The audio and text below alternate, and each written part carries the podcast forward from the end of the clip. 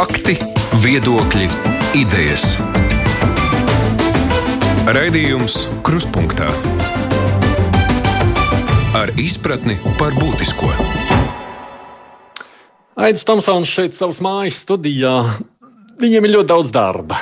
Šķiet, ka pārāk daudz, vairāk no nu, mums raksta, ka viss notiekot pārāk lēni. Un tagad ir moderni teikt, ka vajag stiprināt kapacitāti. Tiesa nu, mums tagad saka, ka tas jau šobrīd notiekot. Par visu šo mēs varēsim šodien runāt. Runa ir par slimību profilaks un kontrols centru. Un uz amatpersonu stundu mēs esam aicinājuši šoreiz centra direktoru Hivetu Gavari. Labdien jums! Ja. Mēs visi raidījumā šodien piedalāmies attālināti, gan jūs, gan es, gan arī kolēģi žurnālisti, kas izvaicās, jo raidījumam pieslēgušies arī Latvijas televīzijas ziņdienas žurnālisti Liena Baris Sermuls. Sveicināt, Liene! Ja un kolēģis no Latvijas radio ziņu dienas Kristaps Feldmanis. Sveiks, Kristap! Labdien! Nu, klausītāji arī ir aicināti uzdot savus jautājumus, bet šoreiz gan tikai elektroniski, jo telefona klausulu šajā stundā man pacelt nebūs iespējams. Tādēļ vislabāk rakstiet caur mājaslapu raidījumam krustpunktā vai arī sūtiet e-pastu uz adresi krustpunktā at Latvijas radio LV. Es pats faktiski, tad, kad kļuvu par kontaktpersonu no veselības inspekcijas, saņēmu zvanu. Tā bija astotā karantīnas diena ar jautājumu, vai es zinu, ka es esmu kontaktpersona. Man jau tobrīd šķita, hm, vai vispār ir jēgas, jo es pēc divām dienām jau varu atgriezties darbā, zvanīt, jo es tur testējos. Un cik saprotu, šo sazvanīšanos jūs vispār esat deleģējuši inspekcijai, vai ne tā? Ja? Nu, tas jautājums ir diezgan mm, plašāk skatāms. Inspekcijai ir jāpārbauda, vai kontaktpersonas ievēro mājas karantīnu. Mm. Viņi tiešām sazvanās, bet tas nenozīmē, ka jums nevarētu zvanīt arī slimību profilaks kontrols centra darbinieki kā kontaktpersonai, ja inficētais eh, būtu jūs norādījis kā kontaktpersonu. Jo dažkārt mēdz būt tā, ka tad, kad mēs aptaujājam inficēto, viņš nenorāda visas savas kontaktpersonas, un ja, nav, ja mēs viņas neatrodam pastarpināti, tad mēdz būt tā, ka uh, mēs neesam piezvanījuši kontaktpersonai, kad jau ir piezvanījusi veselības inspekcija. Nē, nē, šajā gadījumā laikam pat bija tā, ka jūs norādīts bija, bet jūs bijat zvanījuši ģimenes ārstam, jo man savukārt zvanīja no ģimenes doktorāta un teica, ka viņiem ir zvanījis SPKC. Jā. Jā, tāpēc, ka pēdējā laikā pie apjoma, kad mums dienā ir apmēram no 1600 līdz 2500 jaunām kontaktpersonām, tad visas e, tās lietas, kuras mēs varam samanedžēt, tad ģimenes ārstu, darba devēju, Um, mēs, protams, padodam viņiem ziņu, un ir iespējams, ka viņi jums piezvana, un tad mēs vairs nezvanām, jo veselības inspekcija vienkārši kā pārbauda. Bet uh, mm, tā atšķirība varētu būt tāda, ja nav zvanījis ģimenes ārsts, tad noteikti vajadzētu būt SPKC darbinieks zvanām kontaktpersonai, bet ja ģimenes ārsts jau ir iesaistījies, tad eh, mūsu loma mazinās. Tas nozīmē, ka ģimenes ārsts zina, ka jūs esat kontaktpersona, un to viņš ir uzzinājis no mums. Mm. Eh, jā, jā, jā, es vienkārši gribēju uzreiz iejaukties, bet cik ilgā laikā jūs vispār šobrīd spējat eh, apzvanīt tos cilvēkus, kas jums jāapzvana? Jau minētās kapacitātes problēmas. Nesen valdība arī bija lēmums par papildu finansējumu zvanu centram, vai tas jau strādā un kas tur vispār notiek? Jā, tas ir labs jautājums, kas tur vispār notiek. Jo jūs jau redzat, kādi ir saslimstības rādītāji un kādus katru dienu mēs eh, dodam nu, teiksim, statistikas datus. Nu, kaut vai paņemsim šodienu. Šodien ir veikti 12,317 testi un ir atklāts 1231 eh, inficētais cilvēks, kā teikt, pirmreizējais. Ja mēs skatāmies, kā tas darbs notiek, tad īpatsvars šodien ir 10%, mm, kas ir vairāk kā bija vakar. Kā jūs redzat, tas pozitivitātes procents mainās kaut kur nedēļas laikā no 6 līdz 11. Un es gribētu teikt, ka ja pagājušajā nedēļā mums bija tāds cerības stariņš, ka situācija sāk uzlaboties, tad šonadēļ man jāsaka, ka paliek, ir palicis nedaudz sliktāk, skatoties vienkārši absolūtos ciparus, un, un ko arī parāda teiksim, kumulatīvais rādītājs, kurš tomēr par 1,3% ir pieaudzis. Šodien viņš ir 561,3%, kas ir vairāk, man liekas, kā bija vakar. Bet, nu, ja mēs runājam tieši par to darbu, kā mēs tiekam galā, kāds bija jautājums, tā. Mums, protams, ir epidemioloģiskā kopumā mums ir 166 slodzes. Patreiz man ir 144 darbinieki, bet visi iestāde eh, ir sadalīta vairāk. Teiksim, tāds. Viens ir epidemioloģiskais bloks, un viens ir vairāk tas, kas nodarbojas ar neinfekcijas slimībām. Eh, epidemioloģiskā blokā patreiz ir 73 cilvēki, kur lielākā 38 ir epidemiologi, tad ir sabiedrības veselības speciālisti, organizatori, statistiķi.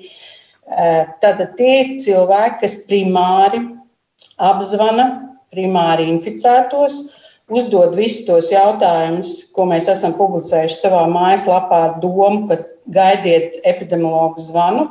Bet tā nobīde, mm, pirmo reizi, nepateikšu tieši kurā datumā, mēs nopublicējām mājaslapā tādu tekstu ar uzsaukumu Ņemot vērā, ka šobrīd ir 250 jauni inficēšanās gadījumi, jums epidemiologs piezvanīs 24 līdz 36 stundu laikā.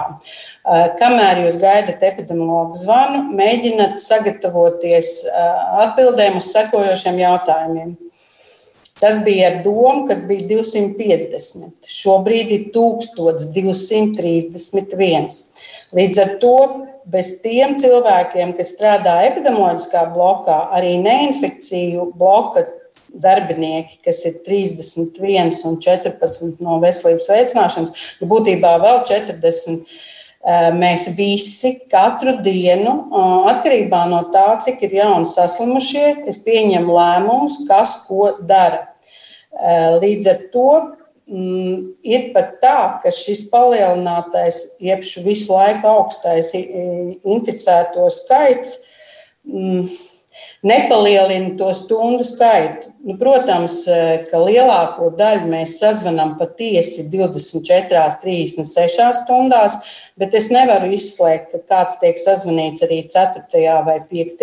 dienā, jo tā sazvanīšanās jau arī mm, ir atkarīga no tā, Vai tas uh, cilvēks uzreiz pacels klausuli, vai viņa telefona numurs būs norādīts pareizi, vai nebūs tā, ka viņš sestdienā, svētdienā uzskata, ka viņam sveši numuri nav jāceļ, vai tas, ka viņam 1. janvāra rītā liekas, kas viņu drīkst traucēt, neskatoties uz to, ka viņš ir inficēts. Es gribu teikt, tā, ka 80% gadījumu mēs noteikti iekļaujamies tajās 36 stundās, ko mēs esam kā, a priori teikuši. Bet, protams, ir dažādi. Mums ir cilvēki, kuriem nav telefona numuri, kas, teiksim, sociālās aprūpas centros, vai viņi jau ir slimnīcā. Ir cilvēki, kas ir uzrādījuši tikai e-pastus, kur arī nav iespējams uzreiz sazvanīties. Un tas ir tas procents, kurš noteikti netiek um, sazvanīts vai, vai apjautāts pirmajā dienā, tur veidojas tās nobīdes. Ja? Jo uh, patreiz uh, mēs strādājam, kā, es gribētu teikt, kā šveicis pulkstenis. Mēs sākam darbu agri, beidzam vēli. Brīvdienu mums praktiski nav, jo ārkārtas stāvokļa laikā ir iespējams apmaksāt 20 virsstundas nedēļā.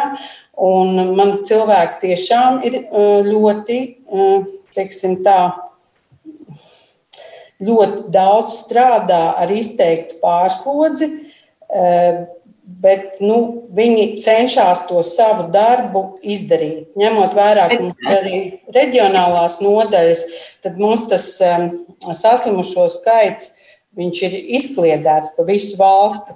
Un līdz ar to eh, tiek, un pieņemsim, ja Vēnspilī šodien būs mazāk gadījumu, Vēnspils palīdzēs Liepājai, eh, Daugavpils var palīdzēt Rēzeknē, Rīga var palīdzēt Daugavpilī. Mēs ļoti fleksibli reaģējam uz visu, ko ir iespējams pārvaldīt. Bet tas eh, zvanu centrs ārpakalpojumā, ko es saprotu, arī ir apspriests variants. Tas ir kaut kāds tuvs nākotnes jautājums. Kas... Jā, tas ir pavisam tuvs nākotnes jautājums. Man jāsaka paldies valdībai, ka mums tiek dota tāda iespēja. Jo, nu, protams, ir cilvēki piekto mēnesi principā ir bez brīvdienām, jo mēs nestrādājam kā operatīvais dienests, bet mēs esam darbinieki, ierēģi, kuriem pienāktos sestdienas, svētdiena brīva. E, tādu laiku mums sen nav, ka mums būtu divas brīvdienas kādam. E, līdz ar to, kā mēs redzam to e, ārpakalpojumu zvanu centru. Nu, pirmkārt, tieši šobrīd vienos ir iepirkuma komisijas um, sēde, kurā tiek izskatīti tie piedāvājumi. Mēs esam izsūtījuši, man liekas, sešām kompānijām mm, savu nolikumu sarunu procedūrai, kā mēs to redzam. Jo principā tas deficīts pie šāda saslimušo skaita mums ir apmēram 30. Nu, tie būtu 30 cilvēki vai 300 cilvēku stundas dienā. Tas būtu tas, kas ļautu šo laiku tiešām, nu, ja ne gluži atkal tikai 24 stundās, tad nepalielināt līdz, nu, līdz 36 stundām. Tāpēc mums šis ārpakalpojums būtu ļoti, ļoti nepieciešams. Tad viņi būtu kā palīgi īstajiem epidemiologiem un tādu rutīnas apzvanu ar tiem jautājumiem, kas ir elementāri skaidri un atzīmējami uzreiz sistēmā, viņi to varētu veikt.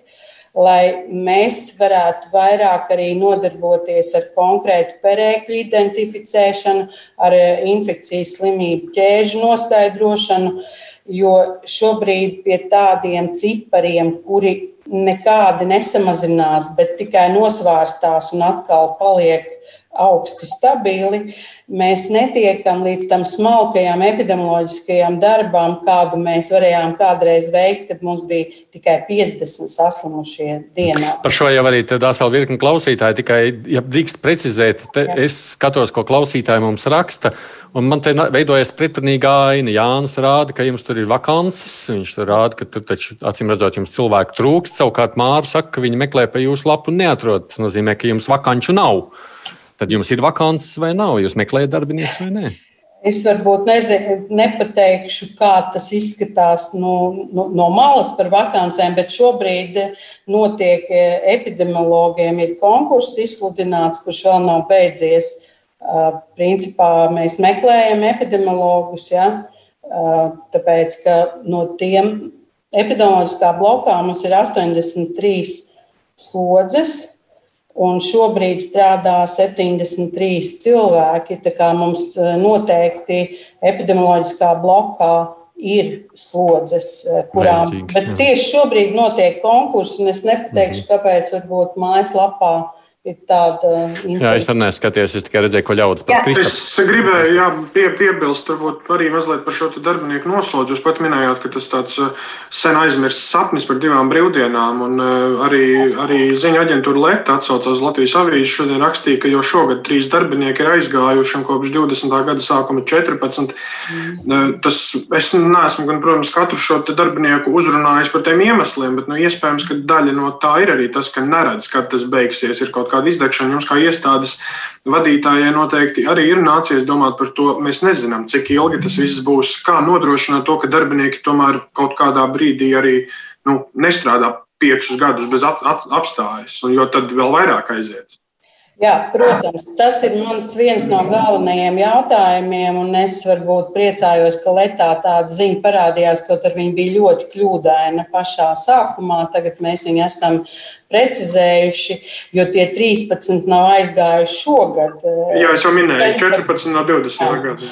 Nu, tad, ja mēs paskatāmies uz šiem 14, kas ir aizgājuši, tad no epidemioloģiskā bloka tie ir septiņi, un tur man jāsaka, ka pieci ir aizgājuši pensijā, jo cilvēkiem ir pāri 65 vai 71, tad šo slodzi ar tām dinamiskām izmaiņām, ar datu bāzēm, reģistriem un kā mēs šobrīd strādājam, viņi tīri fizioloģiski jūta, ka viņi nespēs veikt, bet viņi neaizgāja varbūt tāda, mm, teiksim, nu, viss es vairs nevaru. Nu, Bet vienkārši, ja viņiem bija iespēja aiziet Eh, godīgi nopelnītā pensijā, varbūt miera laikos viņi paliktu vēl uz nu, to. Es saprotu, bet jebkurā gadījumā tas jautājums ir par to, ka nu, šis slodzi ir milzīgi un kā Jā. organizēt to, lai tie darbinieki kaut kādā veidā arī varētu atgūties.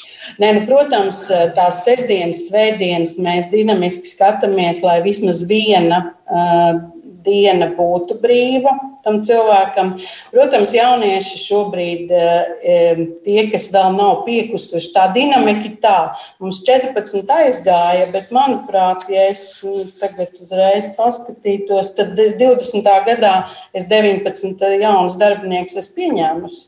Un jau šogad, 21. gadā, seši jauni darbinieki ir pieņemti, un mums tomēr novembrī valdība piešķīra slodzes tās slodzes desmit, kur ir viena jauna nodaļa, kur jau no pieciem cilvēkiem trīs jauni darbinieki ir. Tā kā, protams, ir ļoti problemātiski. Tiešām mēs esam piekusuši, bet es nevarētu teikt, ka mēs neesam izdarījuši maksimumu eh, šim brīdim, lai kaut kā tos, kur ir aizgājuši, pilnvērtīgi aizvietot vai pieņemt darbā jaunus cilvēkus.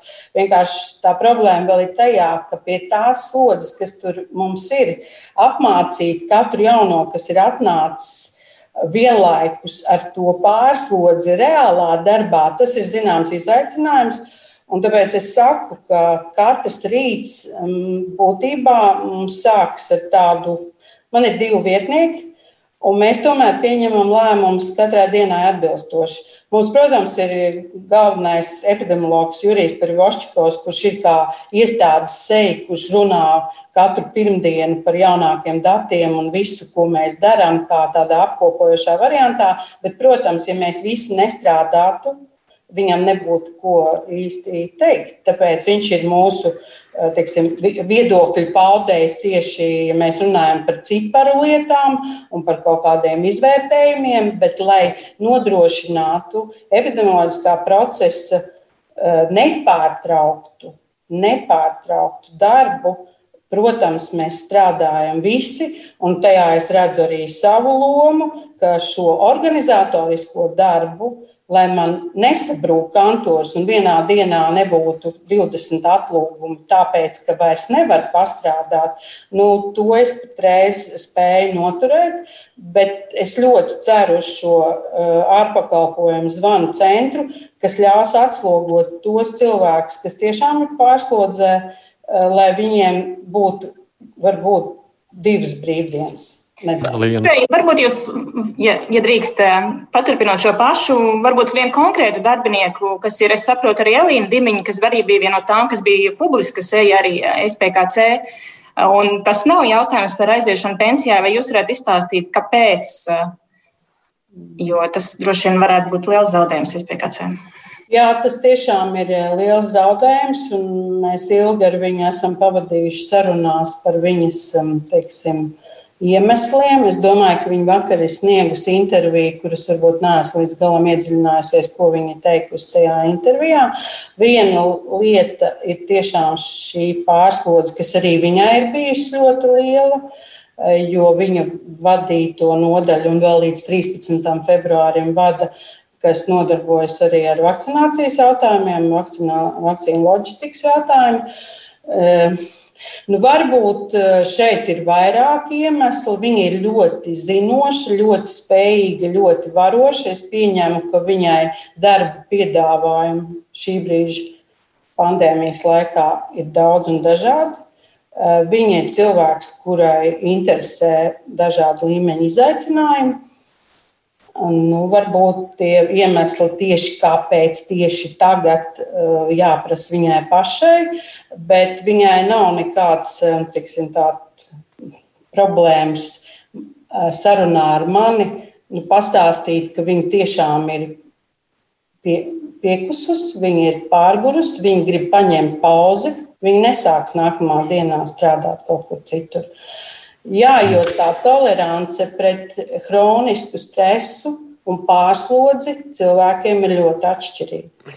Tā, man te raksta Krista savukārt šādi. Es jau pavasarī instalēju apturi Covid aplikāciju, jo domāju arī, ka tas strādā. Šī gada nogalē arī visa ģimene smagi saslimām ar covid.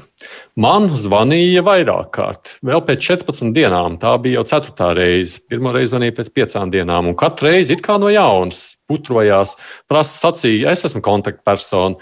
Es īsti nesaprotu, kāpēc tik daudz to zvanu. Tas viss likās ļoti bezjēdzīgi šajā jūsu pašlodes laikā. Jā. Uh, nu, ja es tieši šo katru reizi ir jāapskatās atsevišķi ar šo lietotni, jo, protams, mēs iedodam kodu inficētajam pacientam, kurš no sava telefona viņu padod tālāk. Ar tiem telefoniem ir tā, ka viņi stāv uh, dažās vietās, it sevišķi, ja tā ir ģimene, tur ir jābūt tam kontaktam vismaz tās 15 minūtes, tuvāk uh, par diviem metriem, uh, 14 dienu laikā, ja kaut kas kaut ko nav atvēris, tad tas viss dzēšās. Protams, tās lietotnes lietas es uh, pieņemu, šeit ir tas variants, ka ir zvanīts par daudz, bet nu, ir arī bijuši varianti ar lietotnēm, kad visi ir slimi un neviens nav piezvanījis, jo kaut kas ar to lietotni nav nostrādājis. Bet tā pašā laikā es uzskatu, ka viņi tomēr savu pienesumu uh, ir devusi, jo viņi ir diezgan daudz gan um, instalēti, gan Mēs esam diezgan daudz ģenerējuši tos kodus, bet, ja es runāju tieši par lietotni, tur būtu ļoti labi jau uz mūsu e-pastu. Katrs, kuram ir neskaidrības, tomēr mums dotu ziņu, un mēs varētu katru reizi šo jautājumu izanalizēt atsevišķi. Bet jūs redzat viņai joprojām jēgu, vai nav tā, ka tāpat jūs pat piezvanāt, varbūt ātrāk nekā kāds saņem kodu un, un nu, restīvi, vai tā sākotnējā iecerē, kā šī lietotne strādās, vai viņa tiešām strādā? Jā, es redzu joprojām jēgu, jo redzat, teikt tā, ka šobrīd mm, kaut kur tikai 47% zina, kur viņi ir inficējušies. Un tā jēga tajā lietotnē bija tieši atrast telefoniem tos, par kuriem mēs nevaram pateikt, ka viņi ir kontaktpersonas. Skaidrs, ka tā aplikācija nekad neaizstās rutīnas epidemioloģiju, bet ja mēs runājam par tiem, eh, kurus mūsu telefons tajā laikā, kad mēs esam bijuši eh, inficēti un jau esam bijuši lipīgi, eh, esam nodev, teiksim, atradušies citiem cilvēkiem blakus, par kuriem mēs nevarēsim nevienam epidemiologam pateikt, ka tās ir mūsu kontaktpersonas, tad, protams, šādi ģenerējot kodu, tās kontaktpersonas uzzina to. Bez mūsu būtībā līdzdalības, bet tā problēma varētu būt tajā, ka pēc tam viņi mums nevienmēr dod ziņu, ka viņi ir saņēmuši šo signālu. Tāpēc, protams, katra tāda lietotne, viņai ir savs teiksim, uznāciena brīdis, tad ir kaut kāds izvērtējuma brīdis un tad ir attīstība. Eh, skaidrs, ka vislabāk viņi noteikti strādātu tad, ja tas um, eh, būtu gan lielāks uh, cilvēku skaits, kam viņi ir instalēta. Ja visi cilvēki, kam viņi ir instalēti, būtu ieslēguši tās pogas, kuras noteikti to signālu uztveri, jo tur ir diezgan daudz tie parametri, ka ja vispār kaut kas ir bijis izslēgts, tad uh, var būt tā, ka tiešām apkārt viss ir slimi, tie telefoni ir bijuši, bet viņi nav bijuši tajā režīmā, kad viņi to signālu ir uztvēruši. Bet es nevarētu teikt, ka viņi nav devusi savu pienesumu. Protams, eh, ja mums būtu vairāk laika dažādu līmeņu izvērtējumiem, mēs varētu paskatīties ļoti smalki epidemioloģiski tieši cik procentuāli, kuros mēnešos, pie kādiem kumulatīvajiem rādītājiem lietotne ir devusi savu pienesumu vairāk. Es gribēju Var, jā, es gribēju prasīt, jūs arī minējāt, nu, ka ir liela tā slodze, ja būtu vairāk laika un tā, bet līdz šim šajā visā epidēmijas laikā jūs kā slimību profilakses kontrols centrs tas, ko jūs, eh, nu, ar kādiem lūgumiem jūs ejat, gan varbūt pie veselības ministrijas vai valdībā, vai tur, tur jūs to atbalstu vienmēr saņemat, vai arī tur bieži ir jācīnās par kaut ko? Jā, mēs tiešām esam saņēmuši to atbalstu tad, kad esam prasījuši. Nu, vienīgais ir bijis nobīdes laikā. Tās lietas, par kurām mēs, kuras mēs izdarījām novembrī, decembrī, mēs bijām pirmo reizi jautājuši vai lūguši maijā. Kāpēc tur bija tā nobīde, es, vien, es nezināšu pateikt. Ja? Būtībā visu to, ko mēs prasījām, mēs saņēmām, bet ar laiku. Prasījāt, kad? Prasījāt, maijā, saņēmāt decembrī? Nē, nu, redzat, visi dokumenti iet kaut kādu savu ceļu un kaut kādu savu plūsmu. To, ka uh, pie pirmā teiksim, pīķa bija skaidrs, ka, ja būs otrais vilnis, mēs ar savu kapacitāti varam nebūt uzreiz gatavi. Uh, jā, tas mēs, mēs domājām, ka mums būs nepieciešams cilvēku resursi, ko mēs arī uzrakstījām. Bet varbūt es nemācīšu tieši precīzi pateikt, kāpēc tas notika ar tādu nobīdi vai kāpēc tas nenotika vasarā. Kā ar algām tām jūs esat prasījuši naudu tieši pamatalgām? Es nedomāju par prēmijām vai piemaksām, bet.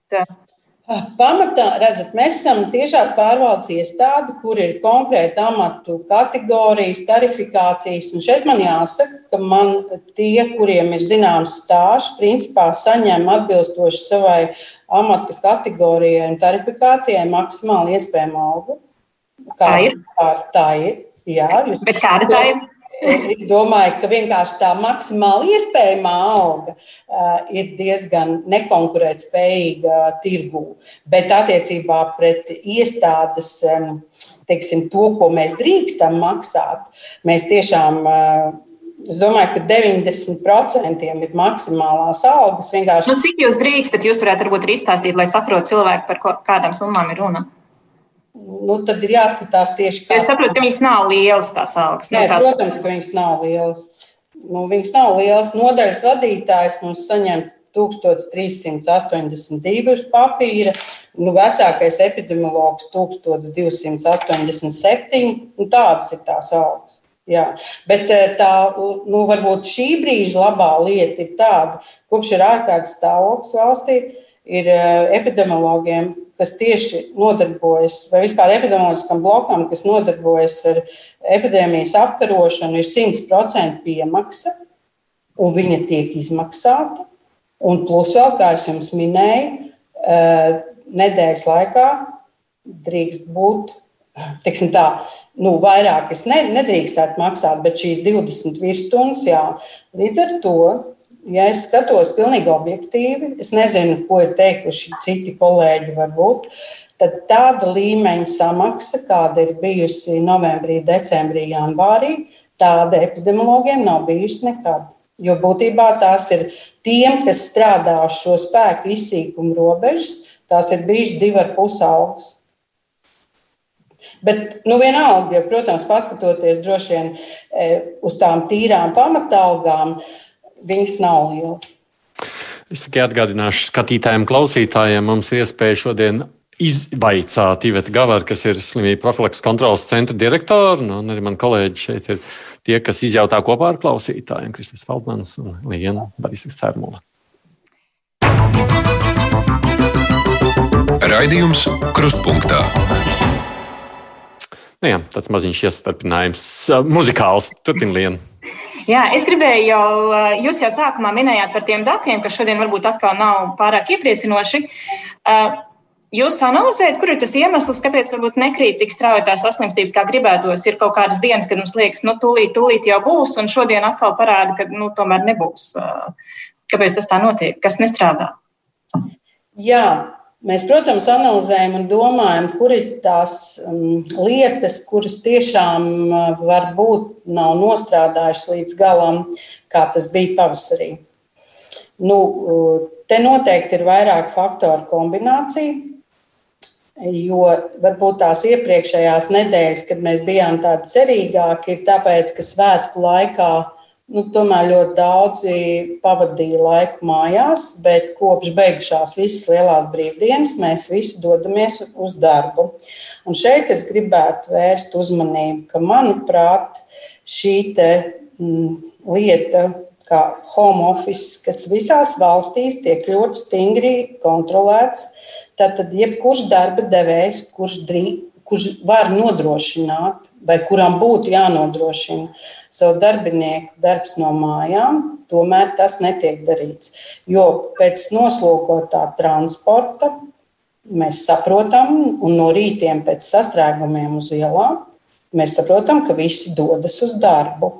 Un man liekas, ka tā ir viena no ļoti tādām vēl vietām, kur ir rezerve, ka ja patiešām visi tie, kas varētu strādāt no mājām, to arī darītu, mēs samazinātu plūsmu kopīgo.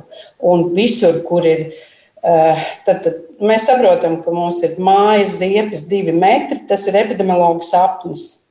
Bet nu, mēs nevaram uz gadu un ilgāk apstādināt valsti. Tātad mēs meklējam visus iespējamos veidus, kā pie maksimālas epidemioloģiskās drošības tomēr turpināt funkcionēt. Uh, tad tieši šis darbs no mājām būtu e, ļoti, ļoti jāuzsver kā obligāts tur, kur to var veikt. Ja drīkst, šeit, ja drīkst šeit to iestarpinājumu uzreiz, jo man ir vairāk klausītāji, kas jautā par to, cik jūs savācat to informāciju, kur tie cilvēki informē, inficējas. Nu, jūs teicāt, 50% ir nav zināms, to es tā esmu sapratuši, bet no tiem pāriem 50, kur jūs zināt, tā tad darba vieta ir viena no tām lielākajām riska zonām nu, darba vieta pieaug. Eh, nu, teiksim, tā galvenā riska zona pēc tiem skaitļiem, ko es teicu, kā kontaktpersonām, kur noteikti lielākā daļa ir sākumā arī ģimenē, tad, tad mums ir mm, inficēšanās mājās, mums ir inficēšanās darbā, un tad mums ir inficēšanās eh, sociālās aprūpas centros, eh, ārstniecības iestādēs, bet nu, tās ar citiem ir darba vietas un citiem ir atrašanās vietas. Tātad kopumā, ja mēs runājam vienkārši par citu darbu, tad jā, pagājušajā nedēļā tas bija 15,4% inficēšanās tika atzīmēta darba vietā. Un savukārt no tiem 50, ko mēs nezinām, tur mēs varam tikai filozofēt. Tas ir sabiedriskais transports, vai tas ir veikals, vai kas cits tāds. Uh, jā, nu, tur jau ir tā nekontrolētā izplatība, jo tikko tas pozitivitātes procents ir virs 4%. Nu, ja mēs skatāmies veiktās analīzes ar konstatētiem saslimušiem, tas, protams, nozīmē nekontrolētu izplatību. Jā, tas var būt jebkurā acīm redzot, bet nu, vēl ir pieaudzis tas skaits, kurš tomēr varbūt zina, kur viņš ir inficējies, bet mums negrib teikt. Kas jums liek tā domāt? Jā. Jā. Uh, nu, to mums liek domāt tās ātri sagatavotās atbildes. Nezinu, nebiju, biju tikai tur un uh, apmēram vairāk neko neteikšu. Mm. Agrāk, kad bailes no slimības bija izteiktākas, vai neziņa par visu to, kas var notikt, bija ļoti liela. Es gribētu šeit teikt, marts, aprīlis, maijs. Mums tie cilvēki trīs reizes atzvanīja, tikko bija kaut ko atcerējušies un pieteica. Bet šobrīd ir gadījumi, kad meita saka, jūs tikai nesakiet manam tēvam, jo tad es būšu sliktāk tādu gadījumu pieaug. Un tas nozīmē, ka vai nu ir darba devēji, kuri lūdz tomēr nākt uz darbu slimiem, nevar izslēgt šādas lietas, jo mēs pēc tam redzam, ka ne visas kontaktpersonas mums ir noziņotas, un tajā iestādē izplatība turpinās, tur perēklis ir attīstījies. Ja? Es domāju, ka tādu cilvēku skaits ir pieaudzis, kas līdz galam neatklāja to, ko viņi zina, tīri mums kā epidemiologiem. Tur var kaut ko darīt. Es nezinu, kaut kādā stingrāk vērsties, īpaši, ja tā ir darba vieta, kur tiešām varbūt priekšnieks liek nākt, vai par to vajag tā tiešām klusēt jautājums. Es nedomāju, ka mēs par to esam klusējuši. Jau... Ne, es domāju, nu, nu, nu pašiem jā. arī cilvēkiem, nu, kā, kā viņus iedrošināt, tomēr runāt. Jā. Es noteikti gribētu vērsties arī šobrīd intervijas laikā pie visiem, ka katrs noslēpts gadījums aiz sevis velk tālāku infekcijas izplatību. Ja mēs kaut kad gribam atgriezties normālā dzīvē, tad šie mazie meli vai šī mazā nepateikšana mūs attālina no normālas dzīves. Tāpēc eh, nevien, visiem būtu labāk, jo vairāk mēs uzzinām, jo vairāk epidemioloģiski mēs varam izdarīt. Tāpēc tur nav nekā tāda, Eh, ko nevajadzētu pateikt. Mēs, ne, mēs brīžiem nesaprotam, kāpēc tā Nu, mums jau arī, mēs, es redzu, gan e-pasts, nevienu, vienu Andrejs, piemēram, raksta, piemēram, manam tiešiem priekšniekam, kā viņš izteicās, ir ērti, ka visi strādā klātienē. Kaut arī mums tiešām puse varētu strādāt attālināt. Līdz ar to šobrīd astoņi no mums jau ir pozitīvi, un darbs tā ir ciet līdz 15. Ko tad mums darīt, ja priekšnieks saka, ka uz darbu jānāk? Redzat, šī ir tā lieta, ko es nezināju, ka jums tā ir uzrakstīts. Bet, mm. manuprāt, ja mēs šādas darba vietas varētu samazināt uz pusi kaut vai, mūsu kumulatīvais cipars būtu cits un arī ikdienas rādītāji būtu citi. Jo... Bet ko darīt šim darbiniekam? Vērsties veselības inspekcijā pie jums, nu, ja tā notiek? Mēs arī saņemam šādas ziņas. Un, protams, viņam vislabāk būtu vērsties veselības inspekcijā par tiešo, bet visu, ko mēs uzzinām un saņemam, mēs dodam gan veselības inspekcijai inspekcijai, gan atsevišķos gadījumos policijai. Mēs ļoti rūpīgi skatāmies pilnīgi visus ēpastus un atbildam uz telefonu zvaniem, jo mums ir arī sava līnija, kur mēs vēl uh, cenšamies uh, sniegt uh, atbildes iedzīvotājiem uz jebkuriem viņu interesējušiem jautājumiem, kādi nu, viņiem ir. Un dažreiz arī mūsu saucamajā telefona līnijā ir sastrēgums ar gaidītājiem vairāk par astoņām, desmit minūtēm.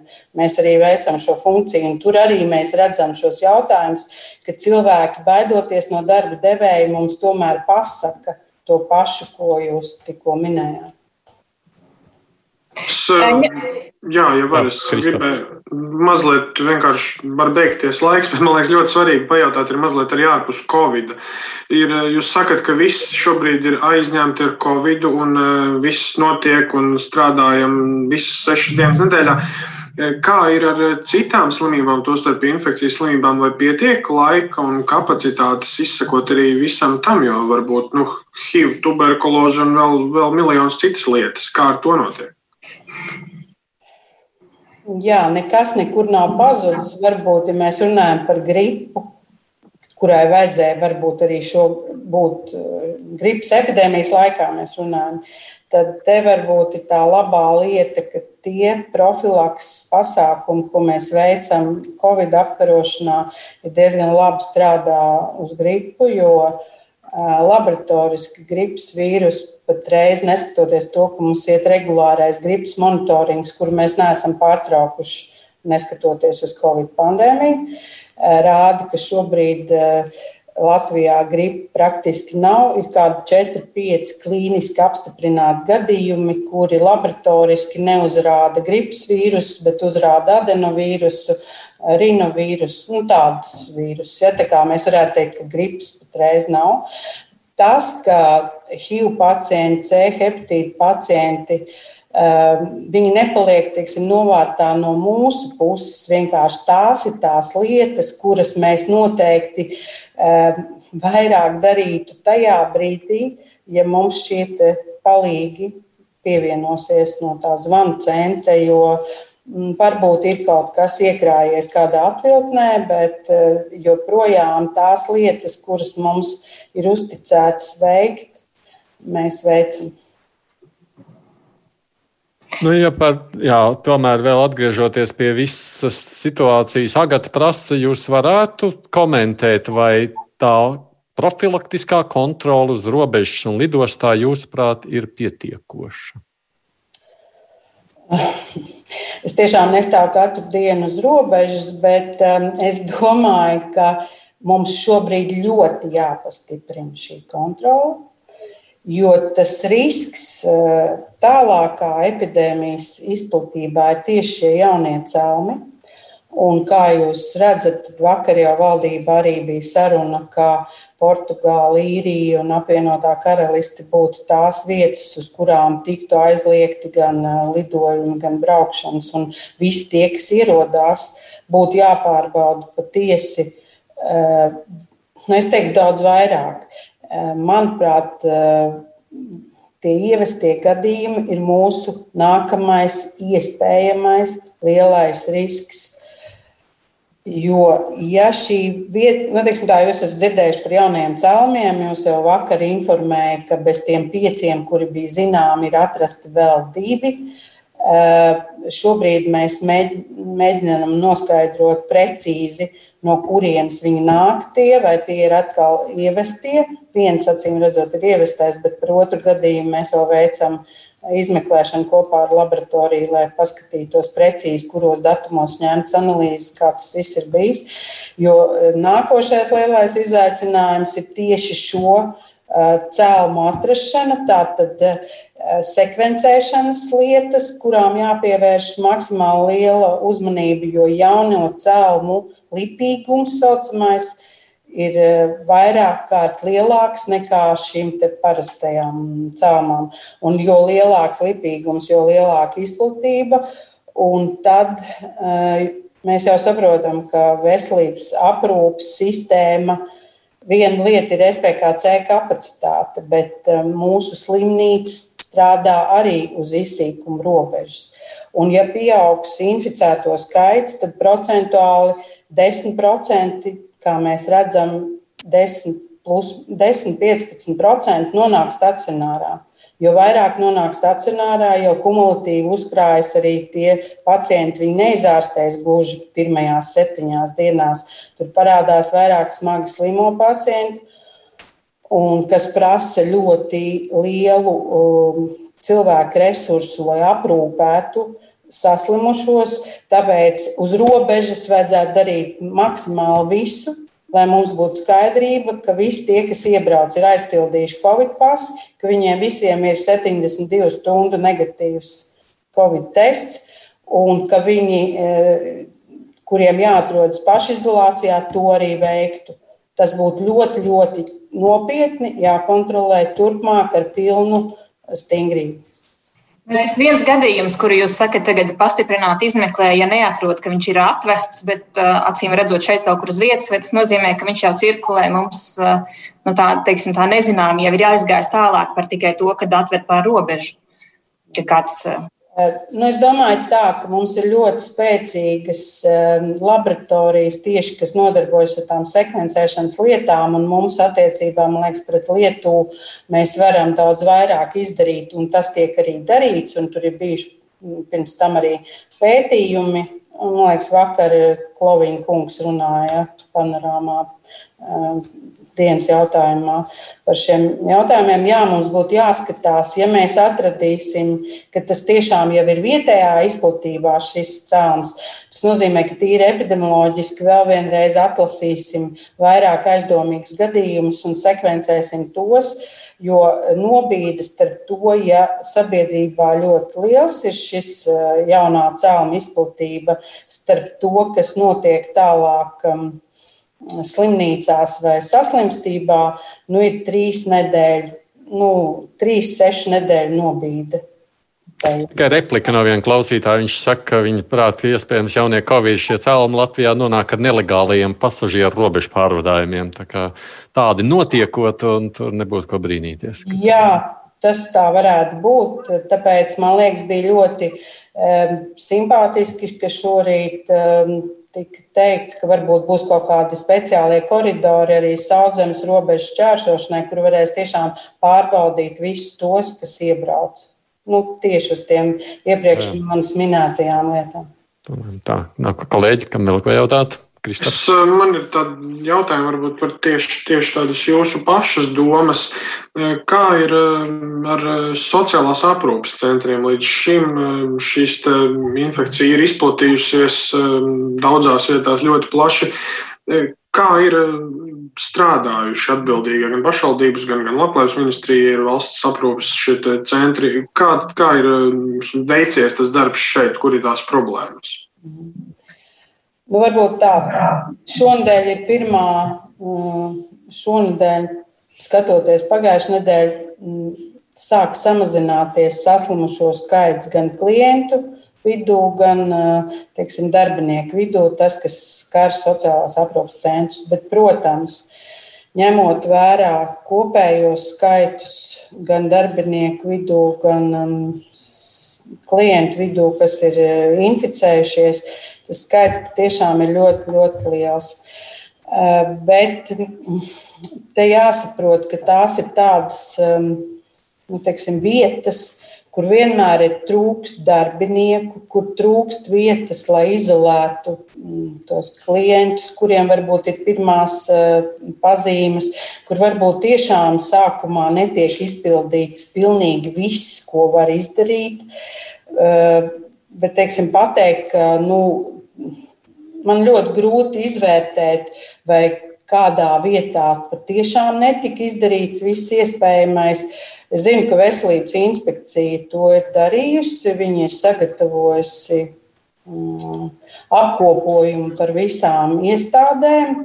Manuprāt, viņš jau ir pieejams, un tur ir diezgan detalizēti par sociālo aprūpas centru uh, gan visām reālajām problēmām, gan to, kā, kas tur patiesi notiek, gan to, kādi testi veikti, gan to, kā skrīningā ir atklāti uh, tie gadījumi.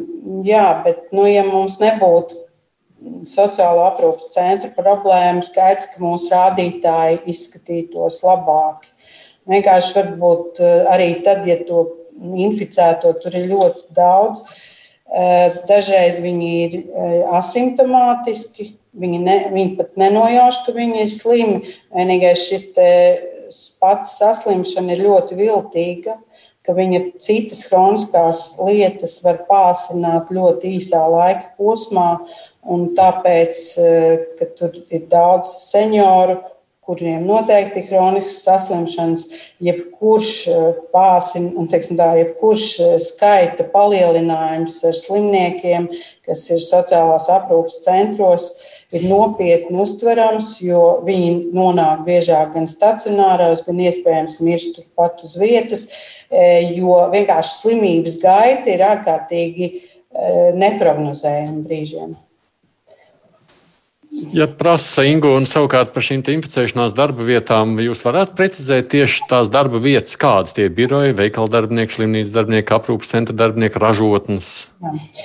E, nu šeit, ņemot vērā, ka tur es jau minēju, ka mums tas kaut kāds 15,4%, mēs, protams, e, e, mūsu aptaujas lapās tās profesijas ir, bet redzat, lai mēs pateiktu, vai tas ir daudz vai maz, ja ir saslimuši tik un tik šoferi vai tik un tik veikalu darbinieki, mums būtu jāsaprot, cik vispār tādu ir.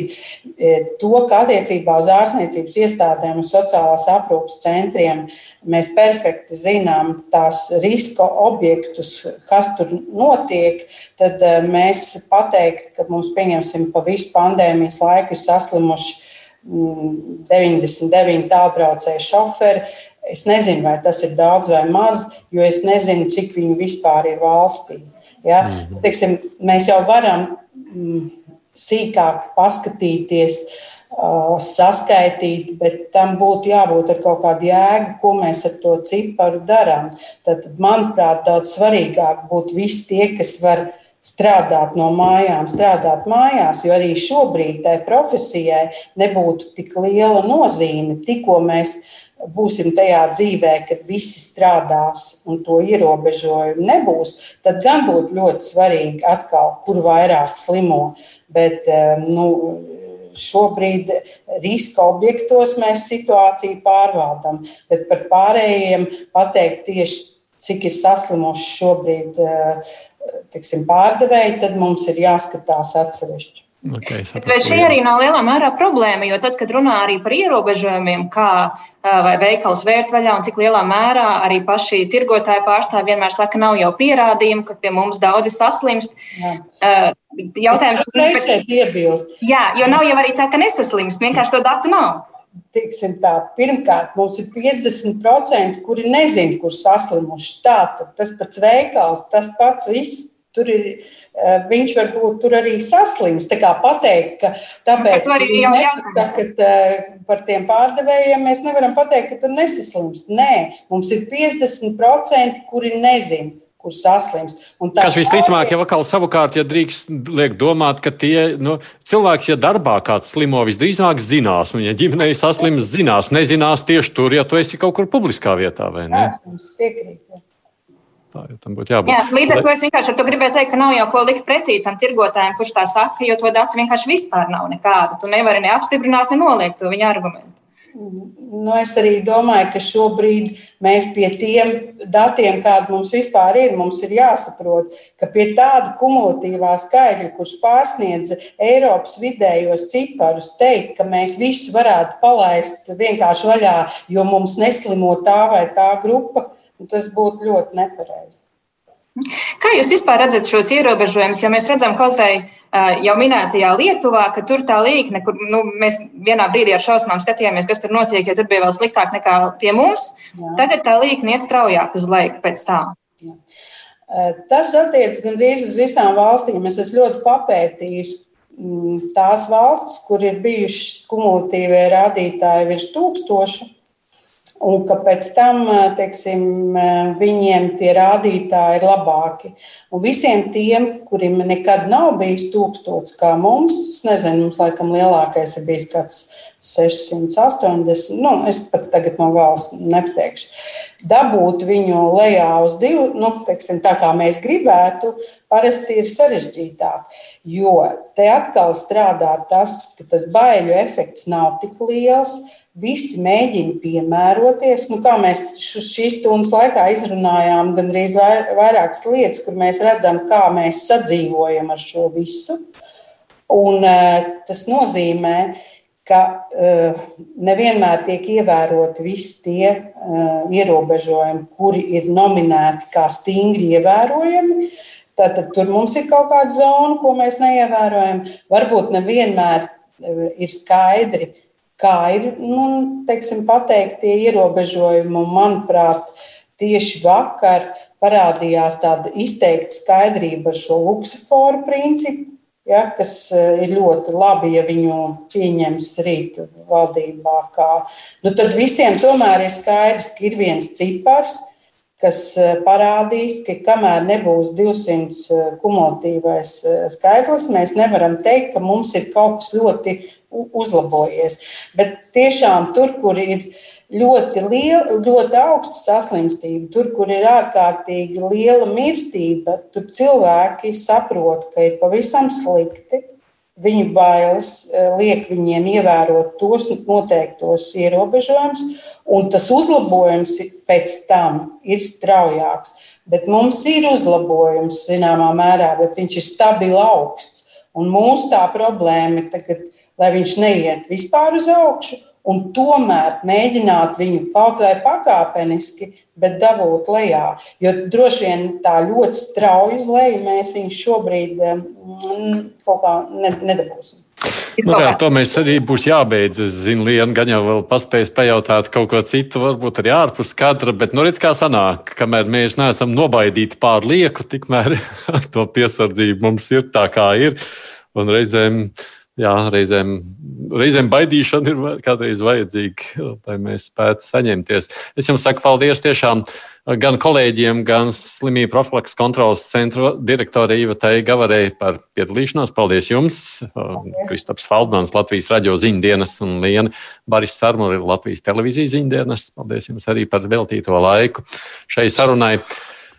Bet kurspunktā šodien līdz ar to izskan producenta raidījumam ir Hevi Junām un raidījumu vadīju es, Aidis Tomsons.